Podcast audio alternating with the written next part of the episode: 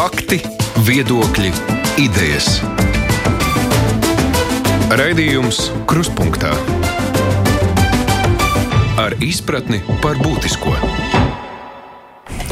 Studijā Aits Tamsons. Tas, ko šī pandēmija ir atklājusi, cik savstarpēji saistīti mēs viens ar otru esam. Nu, gan tīri cilvēciskā līmenī, gan globāli. Ļoti dažādos aspektos. Un šis um, pusotrs gads ir demonstrējis, cik daudz kas ir atkarīgs no spējas būt atbildīgiem. Šajā ziņā, es domāju, mums daudz ko ir nācies par sevi uzzināt. Bet nu, runa nav tikai par veselības sargāšanu. Arī ekonomiski krīze ir atklājusi no virkni vājo punktu. Man šīs stundas sarunas partneris ir elektronikas un IT jomas uzņēmējs. Tas, ko mēs redzam, kā nu, parasti pircēji vai arī patērētāji, tad, tad virknē datortehnikas preču grupā izveidojies deficīts, ir pieaugušas cenas tas, ko vajag, vai nu nevar dabūt, vai tas maksā dubultā, pat trīskārši dārgāk nekā vēl pirms pāris gadiem. Un tā, protams, nav tikai Latvijas problēma. Pat autobūvē mēs redzam apstājas konvejeri, jo pietrūks vajadzīgo mikroshēmu. Tehnoloģija jomā pasaule ir izrādījusies tādi negatīvi atkarīga no Āzijas. Tas nav pieļaujami. Tā pirms pāris nedēļām paziņoja Eiropas komisijas vadītāja Fonderleja un apņēmās tuvāko gadu laikā atgūt kontroli pār situāciju. Eiropa pati ražošot vajadzīgās komponentes, iespiežoties tajā tirgū, no kurā līdz šim ir nostiprinājušās Āzijas valsts, ir īpaši Ķīna. Kā vērtēt šīs ambīcijas, kādu perspektīvu mums atklāja nākamie gadi? Studijā uz pirmdienas lielo interviju aicināts ir sabiedrības SAF Latvijas valdes priekšādātājs. nu jā, SAF Latvija valdes priekšādātājs. Normāls Bergs, labdien, sajūta man viss. Gan jau mūsu saruna būs plašāka ne tikai par šo, bet sākam ar šo tomēr. Ko jūs sakāt par šo te no tādas Eiropas komisijas vadītājas ambiciozu paziņojumu? Nu, ko tad citu tie politiķi var darīt? Nu, ja ne radīt dažādus paziņojumus, ja, nu, uh, dot uh, sabiedrībai kādu virzienu, nu, demonstrēt attieksmi pret kādu notikumu. Um, nu, tas, tas ir politiķu darbs. Un, nu, nav nekā nepareiza tekstā, ka uh, vajadzētu mazināt atkarību, jā, protams. Uh, bet vēlams jau slēpjas sīkumos un detaļās. Mm. Un šeit lieliski jāsaprot, ir, ka Eiropas Savienība pati kā tāda neko neražo ražo uzņēmumi. Ja, un, nu, Eiropas Savienība vai valstis nu, ārkārtīgi reti būvē kādas rūpnīcas. Ja. Nu, to dara uzņēmumi, nu, jā, protams, uzņēmēji atkal. Un, tādēļ nu, šādas lietas ir daudz vieglāk pateikt nekā izdarīt. Uh, jāsāk ar to, ka problēma ir īsta. Jā, un, un problēmai faktiski ir nu, kaut kā trīs kājas, jā, kāpēc mēs esam nonākuši tur, kur mēs esam mm -hmm. ar tām elektronikas komponentēm. Tas tiešām nav tikai mikroshēmas, tas ir viss spektrs. Jā, tas ir ieskaitot vienkārši pusvadītājs, tranzistors, diods, ieskaitot visas pārējās, tur nezinu, kondensators, rezistors, kvarts. Nu, viss pēc kārtas ir, ir milzīgs deficīts.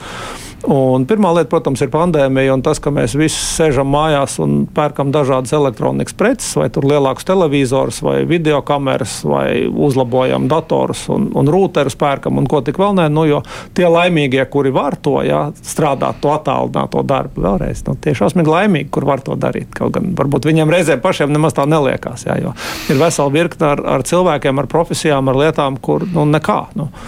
Ej, nu, nav tā ej, pilnīgi nekā, bet es arī esmu darbā. Jā, jā, nu, jā.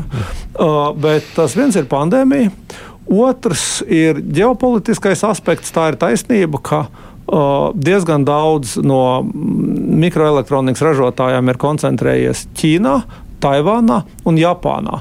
Un Japānā pēdējos pāris gadus ir dažādi veidi dabas katastrofas, un bija arī ugunsgrēks AKM rūpnīcā, kas tur stipri nu, radīja deficītu vienā veselā virknē lietu produktu.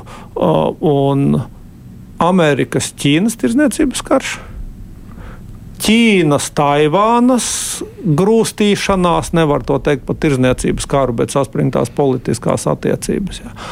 Uh, nu, Viss tas, katrs mazs pa gabaliņam, gabaliņam, plus, protams, Covid izraisītais milzīgais konteineru deficīts. Jā, te vēl ir jāsaprot, ka šeit vēl visā tajā saimniecībā ir loģistika, kura pasaulē bija uzbūvēta uz tādu just-in-time delivery. Jā. Nu, mm -hmm. viss, ja mēs paskatīsimies pēdējos 20 gadus ekonomistus, mācību grāmatas un tas, kā vajadzētu būt, kā ir pareizi just-in-time. Ja? Ka tev ir tā ražotāja ķēde, kaut vai desmit ražotāji virknē un, un noliktavu tas ir slikti. Tev tādā brīdī, kad tev ir jācep bulciņas, tad tie milti tev iebirst pa durvīm iekšā. Jā, un, lai saprastu, lai klausītāji, kas nezina angļu valodu, just in time tieši jā, laikā. Tieši laikā, precīzi, precīzi laikā, tad, kad man vajag, man zvana pie durvīm. Un, un tiešām tā pasaules ekonomika lielā mērā pēdējos, nu, es teiktu, 20 gadus tā arī strādāja. Ja? Un, šādai smalki noskaņotai sistēmai pietiek nu, ar mazu, mazu kaut kur problēmiņu vienā vietā, lai tas viss sagāstos nu, tā kā tāda domino kauliņa. Un Covid nebija maziņš. Ja? Nu, viena lieta, Covid aizsita ostas, tad mēs atceramies, bija tas brīnišķīgais kuģis, Evergreen laikam, ja, kas faktiski visu pasaules konteineru plūsmu nu, apturēja uz kādām divām, pat trīs nedēļām. Ja, nu, nu, kamēr tas uh, viss korķis uh, Suecas kanāla abos, abās malās uzsūcās. Un tas nekur nepaliek. Ja. Ir šobrīd konteineru deficīts milzīgs pasaulē. Un tas nozīmē, pat tad, ja tev ir saražots, ja, tu to mantu dabūt nevari. Un tie ir mēneši. Un tad, ja iedomājieties, jums ir viss saplānots uz stundām, un pēkšņi iestājās mēnesis. Ja? Un elektronikā tiešām atpakaļ pie, pie, tā, pie tā pieaugušā apjoma un elektroautorāta un vispārējais, nu, kas ir tāds skaļākais un redzamākais. Ja? Nu, tad tas deficīts ir fundamentāls un ir šobrīd skaidrs, ka nu, tas visticamāk būs nevis viens gads, bet vismaz divi un varbūt arī trīs.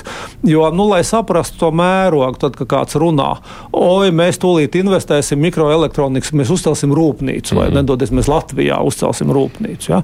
Nu, viena tāda laba, moderna čipu rūpnīca uh, maksā apmēram 4 miljardus eiro. 4 miljardus, ja? tas ir nu, pusanē, nu, trešdaļa no Latvijas gada budžeta uzcelt rūpnīcu. Tas prasa simtus ārkārtīgi augstu izglītotu cilvēku, kuru mums šeit nav. Ja? Un kādus divus, trīs gadus celtniecības darba, kur celtniecība ir ārkārtīgi profesionāla, specifiska un, un teiksim, nu, ļoti zinoša. No nu, Latvijā nav nu, nevienam, man liekas, ambīcija uzcelt šobrīd šī rūpnīca. Jā, jā, jā, es, es esmu dzirdējis arī tādas jā, idejas, ka vajadzētu mēģināt kaut ko darīt, vajadzētu iesaistīties tajās ķēdēs. Un, mm -hmm. nu, ne, tas ir pareizi, nu, vajag jau mēģināt izmantot iespējas, bet nu, ir nu, vēsprātu jānovērtē, kas ir iespējams, kas nav, ko mēs varam, ko nevaram un ko iedzīgi darīt, ko nē.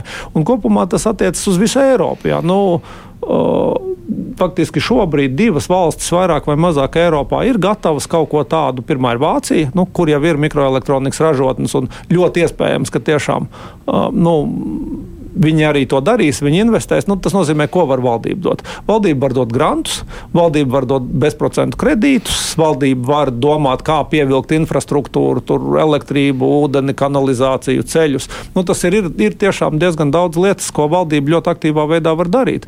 Uh, izglītot valdību var atvērt uh, budžeta programmas augstskolās un tā tālāk, bet, bet nu, faktiski bez divām lietām, bez ļoti lielas naudas un kritiskās masas gudru cilvēku, nu, to nevar izdarīt. Ja? Un otra lieta ir Holanda, ko, ko, nu, arī, kur mm. ir mhm. zināšanas, kur ir esošas ražošanas. Un tas vispārējais ir, nu, jāsaka, tur nu, liels troksnis, burbuļošana. Ja, un, nu, tāds, nu, un tā pašā laikā Vācija un Nīderlanda tās ir divas pietiekoši lielas valstis, kuras, nu, ja naudu, ko es sapratu no Fonderlejas teiktā, būs, un, un visas tās atbalsta programmas jūs minētās būs. Nu, ka... Iespējams, pēc pieciem gadiem jā. kaut kas notiks, un jā, tieši tā uz to arī vajag skatīties. Jebkuri šie procesi ir pietiekoši ilgi. Jā. Un, protams, arī Amerika. Nu, šajā spēlē ir, ir Amerika, un jāsaka, viņi iegūlās problēmā nu, grūti pateikt, nu, pirms diviem, trīs gadiem, ja, jo, jo tur mm. faktiski viss to lietu, nu, tur spēlē ģeopolitika. Ja, teiksim, Trumpa administrācija ar ķīniešiem bija ļoti, ļoti saspīlētās attiecībās. Bet tāpatās valdī, ar valdību vien ir pamaz. Ir nepieciešams tas uzņēmums, ir nepieciešams tās zināšanas, un vajag arī beig beigās saprast, nu labi, nu rūpnīcu uzbūvējām, kas tur strādās un kas pirks to, ko mēs saražojam. Ja. Nu, tas nu, te man ir jums, kā zinošam cilvēkam, uzreiz daži jautājumi, lai uzreiz precizētu. Es nedaudz baidos sameloties, jo nu, esmu tieši ētrā. Man nav priekšā spīkeri. Ja es pareizi atceros, runa bija par kaut kādu nepilnu desmit gadu periodu, kurā Eiropa varētu, nu, pieņemsim, 20% no tirgus paņemt šajā ziņā. Nu, sakot, nu, ka šis būtu mērķis, uz kuru tiekties nu, varētu būt reāls mērķis. Ja? Iespējams. Varētu būt reāls mērķis. Ir tā vērts, vajag to darīt tiešām vai nevajag, redzot pašreizējo realitāti?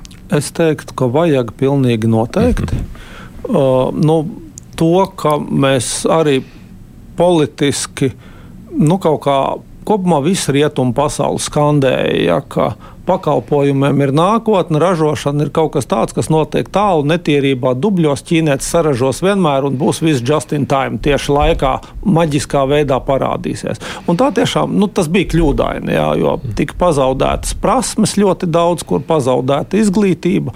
Un es domāju, primāri tas, kas Eiropai un īpaši Latvijā ir priekšā, bērni mācieties fiziku. Mums ir vajadzīgas skolas, mums ir vajadzīgi skolotāji. Jā, mēs, mēs esam īstenībā ārkārtīgi kritiskā stāvoklī ar to. Jo savādāk viss tā runāšana par gudro ekonomiku, par jaunajiem produktiem un vērtību ķēdēm, un ko tik tur vēl nē, nu ir absolūti tukša runa. Ja? Nu, vispirms te bērni ir jāiemācās, vispirms te vajag tos cilvēkus. Nauda nav pasaulē problēma. Ja? Zināšanas ir problēma, izglītot cilvēku ir problēma. Un ar to faktiski. Uh, veiksmīgas valstis atšķiras no neveiksmīgām Jā. ar to izglītības līmeni. Nu, es pašlaik vēl rūkojos tādā ne Latvijas, mm. bet Eiropas Savienības mm. globālā mērogā vispār tādā veidā pārdalīt tirgu, atņemot kaut kādu pīrāgu Āzijai un paņemot, sakot, tagad tas būs daļa no mūsu pīrāga, tas no, ir iespējams. Var, var, ir protams, iespējams. nu, jo arī jāsaprot, nu, ka tāda pavisam brīva tirzniecība jau arī ir nu, fikcija lielā mērā. Jā. Ir dažādi veidi valsts iepirkumi, militārie iepirkumi, ir muitas tarifi, nu, ir dažādi, ir daža, valstu rīcībā ir dažādi Eiropas Savienības. Tā skaitā mēs esam viens tirzniecības bloks. Nu, principā jau nekas nekavē politiski, tur nezinu, visām Ķīnas precēm uzlikt trīs kāršu muitas nodevu no rītdienas. Ja? Nu, Izmaksas Eiropā savukārt nebūs baigi dārgās, jo mēs jau kāpēc skatījāmies uz Āziju, sakot, nu, kā jūs teicāt, viņi tur dubļos palēto pa centiņiem jā, saražos, mēs jau taču esam, jā. mums ir citas prasības. Zin, tas, bija, tas bija tad, kad tur tajā Āzijā šuva drēbes vai tur bija kaut kāda daudz roku darba. Ja? Mm -hmm. Īpaši augstā, augsto tehnoloģiju elektronikā tas algu īpatsvars ir absolūti, es nezinu, mm -hmm. 5% varbūt no visa. Nu, ja tev ir daudz multimiljardu rūpnīca, nu, kurā patiesībā tur jau nevajag desmit tūkstoši cilvēku. Nu, tur pārsimt cilvēku strādā. Tur viss ir robotizēts, automatizēts, un tās zināšanas maksā. Nā. Šobrīd, nu, un šobrīd pat tajā, nezinu, tekstilu industrijā, nu, daudz kur, ja, kur ir stipri augusi automatizācija rūpnīca. Tur tas lētais darba spēks vairāk nelido. Bet jūs teikt, mazliet iet pretrunā iepriekš teiktiem, jo jūs sakāt, ka to cilvēku resursu tik daudz nevajag, tad mm. jau nu, tā nav mm. tik liela problēma, lai šādu veidu rūpnīcas vērtu vaļā. Nu, saprot, šobrīd arī simts, simts zinoši cilvēki Latvijā ir problēma. Eiropas līmenī, es domāju, tā ir mazāka problēma. Mm -hmm. Ja runa par tādu, nezinu, Vāciju vai Nīderlandu vai varbūt Franciju, tur, tur var savākt, vai Ameriku. Ja?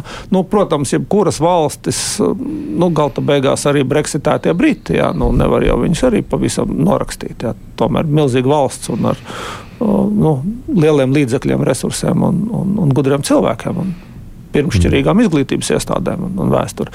Tā kā tā nav, bet šeit, protams, ir milzīga priekšrocība ir lielajām valstīm, kur var sakoncentrēt šo resursu. Jā. Tā ir tā lieta. Tur ir tajā visā ķēdē kaut kāda perspektīva Latvijai arī vai nav tomēr? Cik, cik vispār esat skeptisks un cik jūs redzat, nu, nu labi, skaidrs, mēs neuzcelsim rūpnīcu, neražosim, bet nu, kaut kādu savu pīrāga daļu var atrast? Es domāju, ka gar to mikroelektroniku nevajag gramstīties. Nevajag maz, ja? Nē, varbūt celulozes rūpnīcu drīzāk vajag uz, uzbūvēt. Vai, nu, ir, ir kaudze lietu, um, nezinu, viss, kas ir ar, ar farmāciju, biotehnoloģijām saistīts. Nu, tas ir uzbūvēt un attīstīties var tur, kur kaut kas mums ir. Nu, kur ir zināšanas, kur ir biznesi, kur ir rūpnīcas, kur ir kritiskā mm. masa ar zinošiem cilvēkiem. Nu, es domāju, ka mums arī kalnrūpniecību diez vai vajadzētu attīstīt. Gan jau arī perspektīva lieta, bet nu, nu jā vai slēpošanas kurortu speciālistus, vai pacēlā inženierus. Nu, ir, tā arī ir tā lieta, nu, kur es ļoti aicinātu iet prom no tās vēlmi domāšanas. Taisnība ir pasaulē dažādas nu, karstās tēmas, ja, kur nu, nu, tā problēma jau ir īsta. Vai tur nezinu, ūdens atsāļošana, tur, vai, vai saules enerģija, vai, vai vēl kaut kas. Bet ir nu, lieliski jāsaprot, vai tas ir riņķī dabā tev, un vai tev ir kritiskā masa ar tiem gudrajiem cilvēkiem. Un, un tas attiecās uz nu, visur, arī augstskolās, zinātnē, profesūrā. Nu, vai tev būs tas, kurš tev uzbūvēs šīs zināšanas? Labāk Tad, izmantot to, kas ir mums ļoti daudz. Citas lietas, labi. Stipras lietas. Nu, kas jā. nozīmē, ka šajā ziņā fizika arī varam nemaz baigi nemācīties. O, tā fizika ir vajadzīga ļoti daudz citām Citā lietām. lietām. Jā, jā, tas ir tikai viena no tām. Jo mēs lieliski varam izmantot tos čipus. Nu, teiksim, kopumā es teiktu, elektronikas industrija, ja kā tāda Latvijā ļoti labi attīstījās. Tur ir milzīgas perspektīvas, un tas arī diezgan viegli mērogojās. Mm. Tā ir tā lieta. Ja runājam savukārt par uh, šo atkarību no Ķīnas, ir vēl kādas citas jomas, kurā jūs arī redzētu, ka mm, Eiropai un nu jā, mums vajadzētu mazināt šo atkarību? Es domāju, ka tas ir pilnīgi visur. Nu, jebkurā lietā, kur ir uh, nu, kaut kāda masu ražošana. Ja? Tas ir Nu, no, ne tikai mikro... daudz, tur jau ļoti jā, daudz jā. ko Ķīna ražo, vai ne? Kas par, mums ir pilnveikali. Par to arī ir runa. Jā. Un it sevišķi nu, tādām kritiskām, nu, piemēram, ja tur drēbes kādu sezonu tev būs varbūt ne, ne pašas smukākās, ja patiesībā ir pietiekoši daudz arī ražotāju šeit, nekas tam nebūs strateģiski nozīme. Jā. Ja tev pēkšņi elektronikas iekārtas pārstās nākt, vai tev pārstās nākt, es nezinu, plastmasas korpusi vai vēl kaut kas, kur tās iekārtas likt visdažādākās. Ja tev pārstās nākt dažādas metāla apstrādes produkcijas, ja, nu, tad tas ir tā ir strateģiska atkarība un strateģiska bīstamība. Nu, es domāju, ka ar šādām acīm uz to vajag skatīties, un to, kas ir kritiski nepieciešams, tomēr ir pareizi izvietot tuvāk, ir pareizi izvietot tādās valstīs un tādā, pirmkārt, draudzīgās valstīs, saprotamās prognozējamās. Kas vienam ir draudzīgs, vienā laikā pēc gadiem, desmit varbūt vairs nav. Jā, draudzīgs. tas plūst, tas mainās. Es atceros 2000. gadu sākumā, bet tā Ķīna tiešām ir ārkārtīgi mainījusies. Jā, un, un, un tā tas diemžēl ir. Jā. Nu, un beidziet, arī Krievija 90. gadu vidū bija jā, bardacīga, jā, bīstama, bet viena no demokrātiskākajām vietām pasaulē. Jā.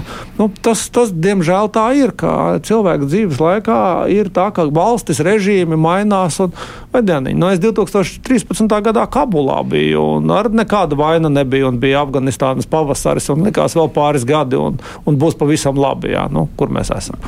Tā kā, jā, tā ir taisnība, pasaulē plūst un mainās, bet tādēļ tomēr labāk, drošāk ir tuvāk nekā tālāk. Nu, izskatās, ka Eiropas komisijā šajā virzienā domā un vispār Eiropas politiķi šajā virzienā lūkojas. Jā. Vai pēc šīs pandēmijas mēs varētu domāt, ka pasaule tiešām būs mazliet citādāk mainījusies šajā ziņā. Pilnīgi gudrāk, noteikti. Pilnīgi noteikti. Tad Ķīna būs zaudētāja no pandēmijas. Mm, uz šo jautājumu mēs varēsim atbildēt pēc 20 gadiem droši vien. To tu nekad nezini, vai tas ir labi vai tas ir slikti. Tas atkarīgs no konteksta. Tas vecais stāsts, aizmuka aizmuk ķēve jā, zemniekam. Zemniekam aizmuka ķēve, nākā viņa šausmas, saka, šausmas, tev ķēve aizmuka. Zemnieks pakaļ galvu. Nu, tu nezini, nekad nevar zināt. Nākamā dienā ķēve ar ērzelēt pakaļ. Ai, kāda tev laime, kāda tev laime? Zemnieks pakaļ. Nē, tu nekad nevar zināt, kā tas būs. Trešā dienā dēls grib pajāt ar ērzeli nokrīt zemē, salauž kāju. Kaimiņš saka, ak, šausmas, ak, šausmas, kāda nelaime. Zemnieks saka, ne, ne, to nekad nevar zināt. Es varu stāstīt ilgi šo stāstu. Jā, jā, jā bet, beigas, bet, bet nu, jā, tas ir ļoti atkarīgs no konteksta un kas sekos tālāk. Tu nezini, vai. Nu, jā, bet ar, vai šodienas, ar šodienas acīm skatoties īstermiņā vai ilgtermiņā, nu, gan. Es domāju, īstermiņā Ķīna ir zaudētāja. Bet, mm -hmm. Protams, ir jāsaprot, ka pasaule jau nesākās un nebeidzās tikai ar rietumu pasauli. Ja? Nu, rietumu pasaule, protams, naudas ziņā ir diezgan liela, bet tur dzīvo tikai viens miljards no pasaules septiņiem. Ja? Mm -hmm. Septiņ. Vai mēs pārāk daudz pēc šīs pandēmijas neliekam uz likamies uz tehnoloģijām, tā? Ja nu sākas kāda tehnoloģija krīze, tad nākošā, un mēs sakām, nu, te būs tāds ķēves variants. Un izrādās, mēs esam diezgan atkarīgi no visām tehnoloģijām. Esam jau arī. Vai ne? Nu, tā trakākais, ko tehnoloģijas ir iedavušas, kad mēs esam iedavuši platformu muļķajiem cilvēkiem. Nu, tas ir iedots megafons pilnīgi visiem un, un bez filtra. Un es domāju, tas ir lielākais posts un arī cēlonis gan dažādām politiskām problēmām, gan, protams, arī visām pandēmijas dezinformācijām, māņiem, ticējumiem nu, un visam tam, kam mēs šobrīd ejam cauri. Kas to būtu domājis? Cilvēks jau par šo es jums pajautāšu. Man šis Jā. temats arī, protams, interesē, bet Jā. es pa priekšu vēl mazliet par to tehnoloģiju. Jūs, jūs esat droši vien dzirdējuši kaut kādas zīmētas ainas par mm. apakalipsi iestājās, kad sabrūk tur pasaules internets un tam līdzīgi. Nu, mm. Sakot, redz, mēs visu tagad tikai digitalizējam un beig beigās. Nu, es teiktu, tā, tā tas ir riski ir, bet nu, no, nu, kā ir, tā ir, kā būs, tā būs. Nu, ko, ko mēs ar to šobrīd varam darīt? Nu, teikt, izslēgt visu un nu, doties tēva un vectēva mācībā un pāriet atpakaļ pie naturālās saimniecības. Un, kur mēs apstāsimies? Principā elektrība jau ir tāds pats posts. Vien ir, Zin, kā, vienā brīdī, kad tu domā, nu, risk, kāds uzmaz mājās pagalmā uztais pumpi, lai var izpumpēt ar mehāniski no rokas, jeb aku uzbūvē. Nu, sakot, ja tu uzliec tikai visu, ka ar ūdens pumpi var to darīt, vai līdzīgi, ka tu māji cel, vai tu uztais kursteni vai nē ar to domu, ja nu, tev kaut kas notiek ar apkursu sistēmu. Jā, bet. O, oj, šī, šīs ir īstas lietas. Es tiešām šovasar aku izraku pagalmā. Tā ir taisnība. Un, un uh, arī mājas kurstenis ir. tā jā, tad, vai ne? Jā, ne, bet tas gan. Nu, no š, un šeit nav pretrunas. Nu, tev ir jāsaprot, tev ir jābūt nu, tam, ko sauc par avārijas plānu. Jo tā ir taisnība. Štruns par, štruns par to internetu un štruns par datoriem, bet patiesībā mēs esam no elektrības ārprātīgi atkarīgi. Jā. Nu, elektrība ir tas karalis, jā, jo tad izbeidzās elektrība. Tagad, nu, nu, Nav čau, nekā, nu, viss, nu, no. rāģa beidzās, ejam mājās. Nu, nu, mēs jau varam akumulātorus uzklāt kādu laiku. Ārā, vai ne, jo tad tas klikšķis būs jā, beigts. Nu, jā, jā. Bet redzi, kā izskatās, lūkojieties, kā mēs šobrīd reaģējam uz šo nu, pandēmiju un iešanas digitalizāciju. Mēs tiešām domājam visās lietās par to avārijas avārijas es domāju, rezervi. Nē. Es domāju, ka nē. nē es domāju, ka tas, tas arī ir nu, tā. Nu, ir tas, tas svārstības. Ja, tā pasaule jau attīstās pēc svārsta principa. Ja, nu, mēs ieskrienam vienā galējībā, sataisam kaut kādus sūdus, mēslus, piedodiet, un tad mēs šopojamies atpakaļ. Mm. Ja, un, nu, un, un, un tā mēs atrodam kaut kādu to līdzsvaru punktu. Jo nav jau neviens pasaulē no nu, ar tādu viedumu ja, vai, vai patiesībā varbūt pat ir ar viedumu, bet ar spēju pārliecināt mīļos tautiešus, pilnīgi noteikti nav. Mm. Ja? Lai noteikti kaut kādu virzienu un sabiedrība kustētos kaut kādā virzienā. Tas nav. Viņš ir tāds ar izsvārstīšanos ar pietiekoši ilgu.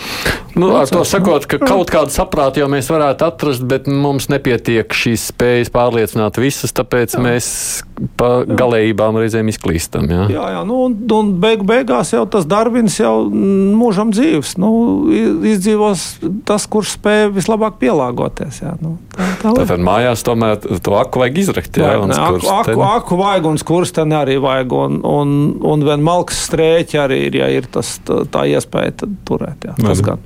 Es atgādinu tikai mums tādu uzņēmējs Normans Bergs ir šeit. No tā mums šīs dienas pirmdienas lielā intervija. Raidījums Krustpunktā mazliet skatoties, nu, tā jau sašaurinoties, arī Latvijas mērogā lūkojoties. Jūs, kā jūs teikt, kas ir tie lielākie izaicinājumi IT jomā Latvijā? Bū. Bū. Jā.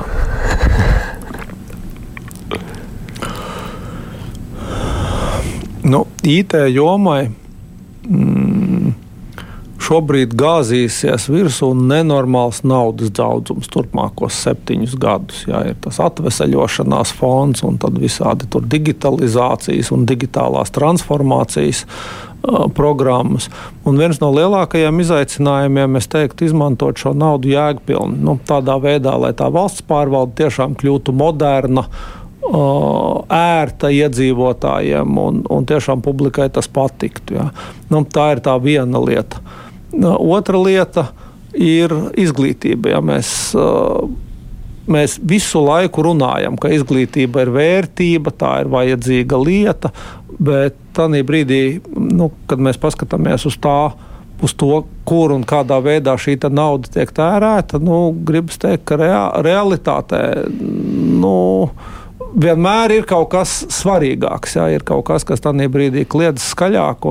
Tā izglītība, piemēram, sākot ar reformām, nu, tur tas nav tā, nu, ir kaudze ar problēmām, kuras nevar aprakt ar naudu, mm. kuras mm kuras, teiksim, liela nauda, un, piemēram, tai pašā valsts pārvaldē, ja, liela nauda drīzāk iz, ir, ir tam IT nodarījusi postu nekā labumu. Nu, vienkārši ir stipri daudz visādas neiedzīgas lietas sabūvētas, ir neiedzīgā veidā investēti līdzekļi, kas kopumā nu, rada tādu pretestību sabiedrībā un tādu, fu, nu, kas tas tāds ir atkal kaut ko sazāģēt. Kā e-veselība, piemēram. E-skolas. Tur, mm -hmm. jā, jā, ir jā. tieši tā. Jā. Un, un tas savukārt diskreditē ja, to, to IT un tehnoloģijas un lietu. Tā kā ar lielu naudu var nodarīt arī lielu postu. Nu, es domāju, ka tas ir tas izaicinājums. Izglītība un, un iedzīgā veidā iztērēt vai teiksim, ieguldīt nu, to, to naudu, tos, tos līdzekļus, kas šobrīd ir. Savādāk jau nē, savādāk mēs kopumā esam. Nu, atkal uz pasaules līmenī mēs esam ļoti, ļoti labā vietā nu, tie biznesi, kas šeit ir, tie IT biznesi, ir ļoti spēcīgi, jēdzīgi. Uh, attīstīties spējīgi un, un pasaules tirgus iekarot spējīgi. Mm. U, jo ir jāsaprot, ka tas IT tā nav tikai programmēšana. Ja? Nu, lieli, un, un, un ir lietas, ko vienkārši nav iespējams izplānot. Nu, ja man kāds teiktu, ka Latvijā pirmais vienradis, un vienradis šeit nozīmē jaunu uzņēmumu, kur vērtība pārsniedz miljardu dolārus, būs kreklu apdrukas uzņēmums. Ja? Ja? Tēkreklus apdrukā, ja domājieties, pa miljardu. Uh, nu, tad es domāju, Vāns, nu, nu jūs ko, ko, ko esat. Ja? Bet šeit ir lieliski jāsaprot, ka tas printfuls, nu jau slavenais, ja? nu, faktiski nav it nemaz par krēklu apdruku. Tā ir tiešām liela mēroga, ļoti gudra IT kompānija, kura māk uh, automatizēt uh, gan šo te mārketinga sadaļu, gan lietotāja sadaļu, kā tu uzdizaino to krēklu, gan visu pārdošanu un loģistiku. Ja, ka faktiski ar pāris spēles klikšķiem tu esi simtiem veikalos, un tev ir visa pasaules globālā loģistikas ķēde priekšā. Ja, tā ir tā lieta. Tas ir tīrs IT, un tam nav nekāda sakara ar krekliem. Vienkārši tā nejauši ir sanācis, ka viņi sāk ar, tiem, ar tajā kreklu biznesā un ir pazīstami ar to. Un, piemēram, Lietuvas vienīgais vienradzis uzņēmums, kurš ir vairāk par miljārdu dolāru vērts. Ziniet, kurš ir? Nezinu, jā, ja? kurš. Tas ir uh, vintage. Uh, vintage viņš saucās, nu, kaut kāds vārds, no, vārda atvasinājums no vintage. Viņi tirgojās ar lietotām drēbēm internetā. Tā ir aplikācija Eiropā, kur tirgojās ar uh, brendu drēbēm lietotām. Nu, komisijas veikals. Ja? Nu, kā tur otrā elpa, ja? miljardu. Un atkal tas pats stāsts, ka tas ir IT bāzēts veids, kā tu atlasi un sa sašķiro pēc reputācijas tos pārdevējus. Nu, kā tu saliec viņus šos divas lietas kopā, nu, lai tas klients justos droši, viņam būtu viegli meklēt, izvēlēties, atrast un netikt apkrāptam. Ja? Tas atkal tas nav pa drēbēm. Tas ir pa mm. procesu, ja procesa automatizācija, un tikko tur ir labi izplānots IT, viņš mērogojās uz, uz tiem visiem septiņiem miljardiem pasaules iedzīvotāju. Un tur ir tā vērtība. Tā kā IT var pilnīgi visu izdarīt. Var, viņš var revolucionarizēt uh, jebkuru nozari. Ja? Un, un tas ir tas skaistums lielais. Un, protams, arī izaicinājums. Jo, ja mēs būsim uh, laiski, mēs nebūsim gudri, kāds cits atnāks un atņems tev to biznesu. Ja? Ja. Bet tajā jūs pieķeroties vēl pie tā teiktā, mācāmies fiziku, vai mēs arī neesam kaut jau tādā grūti risināmā spirālē iekļuvuši. Jo, lai mācītos fiziku, kā jūs teicāt, vajag skolotājs, bet nav jau skolotājs vairs, kas māca to fiziku. Es to saku, jo es redzu saviem bērniem, kas darās. Nav Jā. vairs, kas māca to fiziku. Kā tad tu iemācīsies, ka tev nav vairs kas māca? Tā ir tāda spirāla uz Jā. leju. Jā, mēs, mēs viņā esam, mēs viņā esam īsti dziļi. Un es teiktu, ka kopumā politiķi ir pār, nu, pārbijušies ne jau desmit gadus. Ja, ka, nu, tas ir tas jautājums par eksāmenu. Ne jau eksāmenis, nu, tas, ko, mēs, tas, ko industrija prasa šo obligāto fizikas eksāmenu vidusskolā. Tas ir vienkārši mērījums, lai saprastu, nu, kur mēs esam, cik labi vai slikti mēs esam. Un tad mēs tiešām pamanīsim, ka ir veselas skolas, uh, reģioni, es gribētu teikt, kur tiešām nemāca. Ja? Nu, jo tieši tā, to skolotāju vairāk nav un viss izliekās, ja? ka nu, kaut kas notiek. Īstenībā nenotiek. Un, uh, nu, redz, līdzīgi bija ar matemātiku. Un man gribas teikt, ka šobrīd ar matemātiku ir labāk. Ir, ir, ir faktiski viss kārtībā. Mm -hmm. nu, tādēļ, ka uh, reizi katru gadu pavasarī, ja, kad tas ir maija beigas, jūnijas sākums, vismīļā latviešu tauta divas nedēļas putojās, ir visos portālos tie uzdevumi un strīdās pa stulbajiem uzdevumiem un pa vēl kaut ko, un, un kā nu, tur katram ir gājis. Bet tas jautājums ir dienas kārtībā. Un, ja 16, 17 tūkstoši, cik nu, mums tie bērni katru gadu ir, liek to matemātiku, ja, nu, vieni 3, 4 tūkstoši ir labi, nu, ir atlasīti. Mm -hmm. ja, tie, kuri pēc tam tālāk var iet to IT un nu, tās lietas, kur tā matemātika ir vajadzīga mācīties. Un fizikā mums tas nav. Nu, mums ir šobrīd 200 bērnu, noliek, 220 bērnu noliek to fiziku sekmīgi, un tad ir 3500 budžeta vietas augstskolā pretī, kas māca inženierzinātnes. Ja? Nu, mēs esam tālu tajā neiedzīgajā pusē. Tas, ko var izdarīt redz, ar šo. Uh, nu, tie skolotāji, kas ir vajadzīgi fizikas skolotāji, viņi nav tik traki daudz. Nu, tas ir nezinu, 300, 400, nu, 500 cilvēku. To problēmu var ar naudu atrisināt. Mm. Ja? Nu, tas ir atrisināms. Atkal, ne, ne rīt pēc trīs, četriem, pieciem gadiem. Bet atkal, ja mēs to sāksim darīt tagad, tad būs pēc pieciem gadiem. Ja mēs vēl, vēl gadu gaidīsim, nu tad jau būs pēc sešiem gadiem, un tikmēr vēl tā daļa, kas šobrīd māca, ja, nu būs prom. Ja? Nav, nav, šī nav, nav, laba, nav laba bilde nemaz. Atgriežamies pie priekšā. Es vienkārši mm, jā, jā. skatos uz jautājumiem, ko es esmu cēlājis, lai zinātu, ko es paspēju uzdot no tā visa. Man gribas nu, pārnāt tā pēc iespējas vairāk. Mm. Ja laiks ļaus, atgriezīšos pie šīs fizikas un skolām. Par pandēmiju jūs pieminējāties par šo otru aspektu, ko tā mums ir atklājusi par mūsu debilizāciju. Vispār jums pandēmija atklāja, atklāja arī kaut ko, ko jūs līdz tam nezinājāt?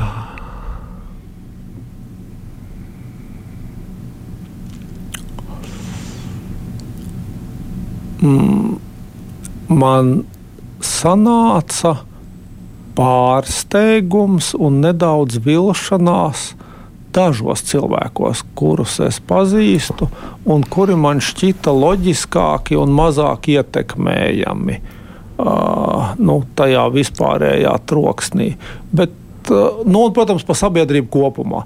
Nu, teiksim, es, es kopumā biju dziļi pārsteigts. Nu, sākot jau ar Amerikas politiku, ja, ka tev nu, lielākā, ne labi, otra lielākā skaitliska Amerikas politiskā partija, republikāņi, nu, ir spējīgi faktiski kļūt no nu, ārprātā antizinātniski, tur publiku dulinoši un dezinformāciju izplatoši. Ja. Nu, tas, ka tas viss aizgāja tādā, nu, un, protams, viņam ir šausmīgi daudz kopīgēti, ja tur, tur arī pārsvarā uz, uz tādu nu, stipro roku velkoši, vai tas būtu Brazīlijas Bolsonaro, nu, tur var skaitīt rindā. Nu, tas, ka pie mums ir arī nu, savākusies vesela grupa kopētāju, nu, kas jāsaka ārkārtīgi nelietīgā veidā izmanto nu, vienas sabiedrības daļas lēticību. Jā. Tas, tas, tas, tas kopumā pasaules līmenī man šķita traki, ka šādu pandēmiju var izmantot politiskiem mērķiem tādā veidā. Ja, to, ka būs tur no nu, apjukuši cilvēki vai neizglītoti cilvēki, protams, jā. Bet tas, ka tas aizies nu, tādā politiskā dienas kārtībā, jā, jā Nedomājāt, jā. ka mēs esam arī tik liela tā sabiedrības daļa, kas. Jā, jā es domāju, ka kopumā latvieši, zin, nu, latvieši tā kā pingvīni, tad, kad ir problēmas, grūtības, tur saspiežās ar mugurām kopā, un tas latviečs, nu, viņš ir izdzīvotājs, viņš ir racionāls. Ja? Viņš kopā ir racionāls. Un tas, ka tik, nu, labi izņemot ādaras un caurvēju, ja, ir divas tādas svētas lietas, kur katrs latviečs paliek dumšs pavisam. Un varbūt tāpēc, ja, ka tas caurvējš ir un, un kaut kā tā. Bet nu, man, man kopumā pa, pa Latviju un latviešiem bija tāda nu, sajūta, ka viņi ir mans izdzīvotāji. Nu, paskatāmies 2008. gads. Nu, Īstenībā problēmas baigās. Nu, mēs vienīgie bijām, kuriem koprodukts nokrita pa trešdaļu. Ja, un iziet cauri, un tas nozīmē arī reālās algas milzīgai daļai. pa trešdaļu. Un nu, tā izdzīvoja, ja, un saspiedās, un, un, un viss notika. Un tagad tur vēlna vīruss, un tu nezini šausmas, ja tur aiziet poti saņemt, ir tur eksistenciāla problēma. Tas man tā, jā. Un viss dēļ interneta, interneta dēļ? Es domāju, tas ir toksisks komplekss. Viens ir internets. Mēs dzīvojam ļoti spēcīgā Krievijas dezinformācijas telpā, un viņi strādā kā vēlni, lai, lai tai uh, rietumu pasaules daļai tur pēc iespējas sadūlināt. Viņi gudri. Nu, tas ir paši gan savējos ar sadūlinu. Kopš Ļeņina laikiem viņi ir tā bijuši. Protams, ēna tam visam, kad viņi ir savējos arī sadūlinājuši, bet tie savējie viņiem nekad nav bijuši beigas svarīgi. Ja? Nu, tā ir tā lieta. Ja? Uh, un, nu, tas ir tāds ir spēcīgs rupors. Protams, viņš ir iekustinājis nu, dažādu veidu vietējos, vietējās duļķus, nu, un tad ir tā politikas daļa. Ja? Ka, ka tiešām ir pietiekoši daudz politiķu atraduši, ka šis ir zirdziņš, uz kura jāt. Un, nu, un, un tas ir amorāli. Nu, tas ir vienkārši amorāli. Tas ir nelietīgi. Nu, var atrast jebkādu apzīmējumu tam visam. Kā samierinās ar to, ko vai ne? Nu, īsti neko tu citu nevar darīt. Jā. Jā, jā, tas, tā, tā ir. Un, nu, tā vide ir tāda, kāda ir. Nu, tādā tu dzīvo, nu, ir jāmēģina izstūrēt visjēdzīgākajā iespējamā veidā nu, no tās situācijas, kur tu esi iekšā. Tā? Nu, ko tad citu var darīt? Nu, var žēloties. Nu. Es droši vien, ka šis būs tas īstais brīdis, kad man vērts ir palūkoties arī uz uh, to, ko ļaudis raksta. Nu, lai kādu anonīmu arī nolasīšu, jo tie pārsvarā jau parasti ir tie niknākie. Tie, kas netik nikni raksta, tie parasti savu vārdu uzvārdu nepastu. Tie man, tie man pa naktīm Facebookā ir sarakstījuši. Aidi, iztulkojiet vārdu debilizācija. Nu, tāda augstprātīga attieksme no jums dveša. Ja, ja, ja mēs lietojam šo vārdu debilizācija, tā ir augstprātīga attieksme. Nu, ir jau tā, nu, tu saki, tad, tad tu esi pāries muļķis. Es, es, es, es esmu gudrs, tie, tie citi Aha, ir muļķi, bet, nu, diemžēl, es teiktu tā, ka katram ir lieliski jāsaprot nu, tās sfēras, kurās tu esi zinošs un izglītots, un tu saproti lietas, un spēj izlasīt un analizēt informāciju, un arī izteikties. Nu, un, un, nu, tā nelaime, ka tu skaļi izsakies par lietām, par kurām tev nav ne mazākās saprašanas, nu, nav milzīga gudrības pazīme, man gribētos teikt. Roberts prasa, pajautājiet, kādēļ antivakseri ir pret 5G tīklu? Jūsu versija. Tad, tad. Es nezinu, tas ir tas pats blakus uz, uz to pirmo jautājumu atpakaļ. No. Nu, bet uh, jums iepriekš bija nācis prātā, ka var savilkt uh, saslimšanu Nē. ar vīrusu. Ar Nē, bet nu, tur ir tā lieta, internetu. nu, tā ir kaut kāda maģiskā domāšana. Nu, tas ir, ir vienkārši kaut kādi cilvēki, cilvēku grupa pietiekoši liela, nu, kuri protestēs pret visu, nu, pret jebko. Un tas smieklīgākais ir tas, ka nu, ruporu viņiem iedod tieši tās pašas tehnoloģijas. Uh, nu, kuras viņi apkaro. Nu, būtu mm. sametuši akā, viss no akā nav labi, ja tur piesārņo, bet būtu izmetuši ārā visus tos savus telefonus un datorus un likušies mierā. Nu. Un, un uzreiz dzīve paliktu krietni labāka visiem.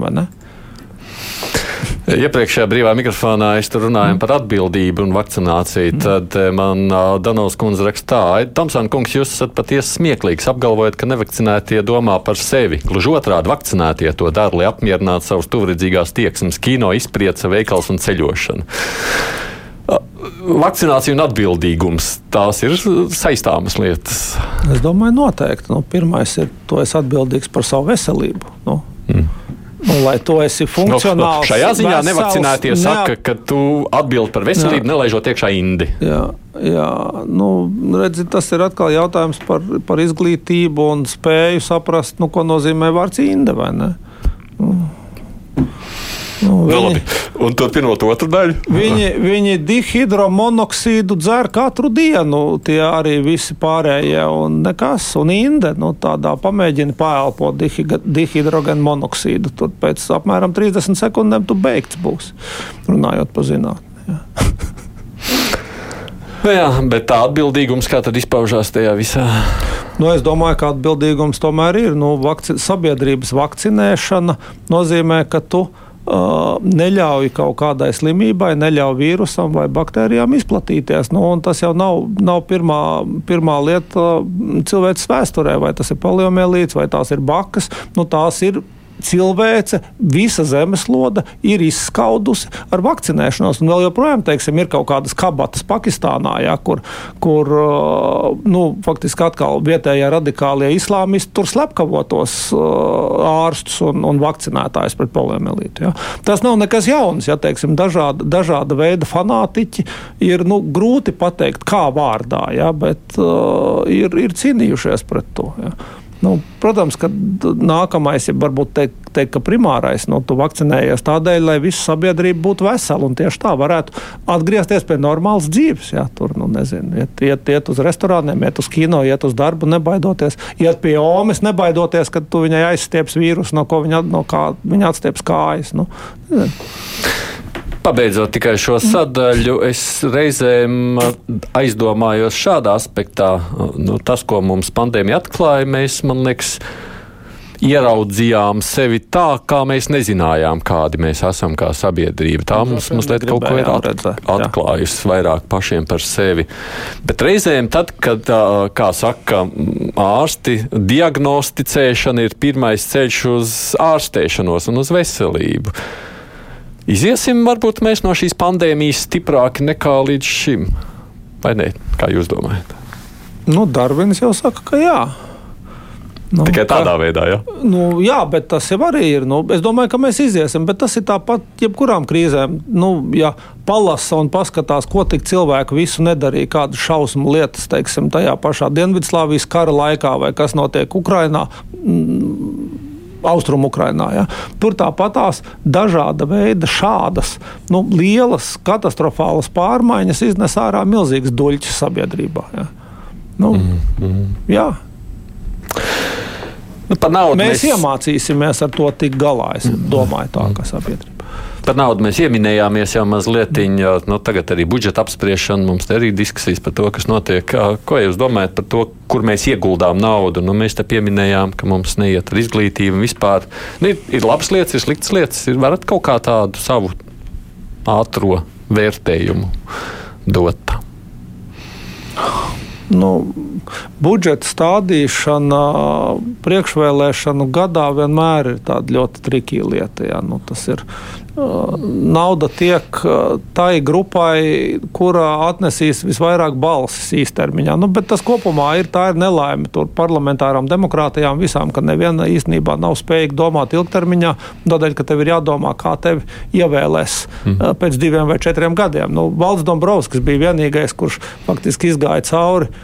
9. un 10. gada krīzē, ja, un viņi ievēlēja vēlreiz. Viņš ir unikāls Eiropas mērogā ar to, ja, kad nu, viss tas uh, izdevuma griešana un tā tālāk. Tā parasti nenotiek. Parasti politiķi, kur dara sāpīgas, bet vajadzīgas lietas, tiek sodīti. Un, un, un, un tā ir tā nelaime. Ja, tas ir tas lielākais mīnus parlamentāram demokrātijām. Uh, vai ir kaut kas gauži nepareizs? Nu, es teiktu, ka lielākā nelaime, kas joprojām Latvijai piemīt, nu, ir ir tas, ka mēs neesam spējīgi tikt līdz galam ar reformām. Nu, tīri, ar, ar, ar reģionālo reformu, teiksim tā. Nu, labi, pašvaldības šobrīd mēs esam noreformējuši, bet tās skolas tam nav. Nu, ir vesela virkne lietu, ja, kur mēs kopumā naudas masu tērējam lielu, bet mēs to tērējam ļoti neefektīvi. Ja. Un tur ir vajadzīga milzīga drosme, nu, lai, lai izdarītu lietas, kas ir jādara. Un tas politiski ir. Nu, nu, ne, netiek, netiek uh, novērtēts nekādā jā. veidā. Lai man klausoties, gribas domāt, ka kaut kas jau notiek, tikai nenotiek tik lēni. Nu, tas, ko, tas ko vajadzētu izdarīt divos gados, notiek 20 Divas. gados. Jā, ir nomainījusies paudze. Tieši tā. Un tas ir tas, nu, tā ir tā lielākā problēma. Jo kopumā nu, Latvijā ir, nezinu, teikt, vai tā ir laime vai nelaime. Mums ir milzīga teritorija ar mazu cilvēku skaitu. Jā, mums mm. ir mhm. daudz brīvas telpas. Bet tas savukārt arī nozīmē, ka ir ļoti daudz kur izsmērēt to naudu, pa to brīdi, tad, ja tu smērē pa telpu, nevis pa cilvēkiem. Ja? Un to neviens nemana. Nu, nauda aiziet, bet tas ieguvums, tas labums, nu, tas mm. progress ir diemžēl ļoti, ļoti lēns un, un niecīgs. Ja? Nu, šajā nākamā gada budžetā, ja runājam tādā tīri vispārējos mm. skaitos, lielākā daļa tā tad iedota veselības aprūpē, nu, lielākā summa no visiem. Vajag veselības aprūpē? Protams, ka vajag. vajag Protams, ka vajag, bet arī tur, no nu, arī veselības aprūpe mums ir ārprātā pārbirokratizēta. Nu, es domāju, ka tur vidēji ārstam nezinu, pusi no laika aiziet tur visādas neiedzīgas formulārus pildot. Ieskaitot to pašu e-veselību, jā, mm -hmm. nu, kur tu trīsreiz dabūji infarktu pa vidu tur ar tiem ekrāniem ņemoties. Es, nebūtu, es teiksim, ne par ko nebūtu ar mieru tur sēdēt pie, nu, godīgi pie tiem ekrāniem.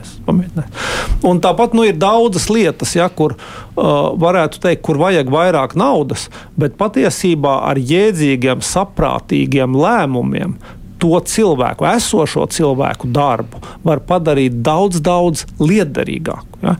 Latvija ir tāda nu, šausmīga birokrātu zeme, ārprātīga. Mēs nu, tādos kafkas augstumos esam nonākuši. Tur, jā, ar dažādām inspekcijām un, nu, un viņu spējām. Tur... Viss gan esot salīdzinājumā, saka, Amerikā aizbraucot, tur esot daudz trakāk. Uh, šis tas ir, šis tas nav. Kopumā Amerika ir praktiskāka, loģiskāka. Ir, ir.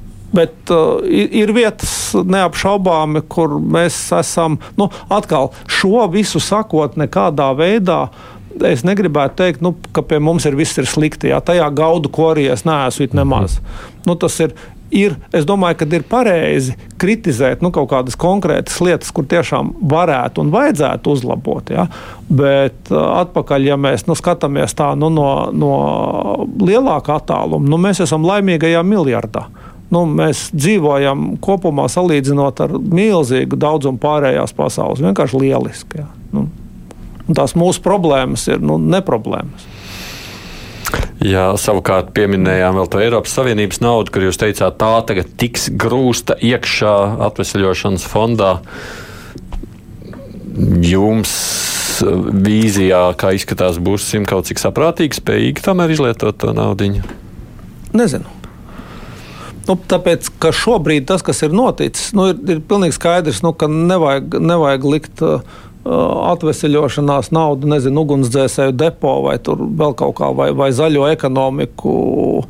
Uh, celt ar, ar, ar atkal kaut kādiem kravas auto, uh, nezinu, ar ūdeņradi vai vēl kaut ko dzenošiem. Nu, tas ir uh, vēlns slēpjas sīkumos. Nauda ir milzīga virsraksti šķietami ir pareizi, bet to vai uh, tiks tērēts jēdzīgi vai nejēdzīgi, noteiks, nezinu, 120. paragrāfs ministru kabineta noteikumos. Ja? No pieredzes to zināt? Protams. Protams. Kur komats tiks ielikts? Un tas izšķirs, nu, vai tā programma būs laba vai nelaba, vai jēdzīga vai nejēdzīga. Jā. Tā ir. Tad, tad tur jā, jālūkojas tikai. Jā, tagad darbs pie šī tikai sākās. Tagad. Mm, mm. Runājot, vienu tādu atkāpi savulaik, un, ja es pareizi atceros, nu, gadi kaut kādi. Mm, 7, 8, 10 varbūt pagājuši, kad pieminot jūsu vārdu, kāda teica, bet Normāns Bergs pārlieku ir saudzis jau ar kādiem politiķiem. Politika, jūs bijat, man liekas, padomnieks vai ne? Premjeram. Jā, es premjerai, es biju Straujums kundzei. Jā, jā, jā. Nejūtaties, ko jūs sakāt par šādiem pārmetumiem tajā laikā, vai tagad esat pilnīgi prom no saistības ar politiku un politiķiem? Nu, bija pa brīdim man kāds uzzvana kaut ko.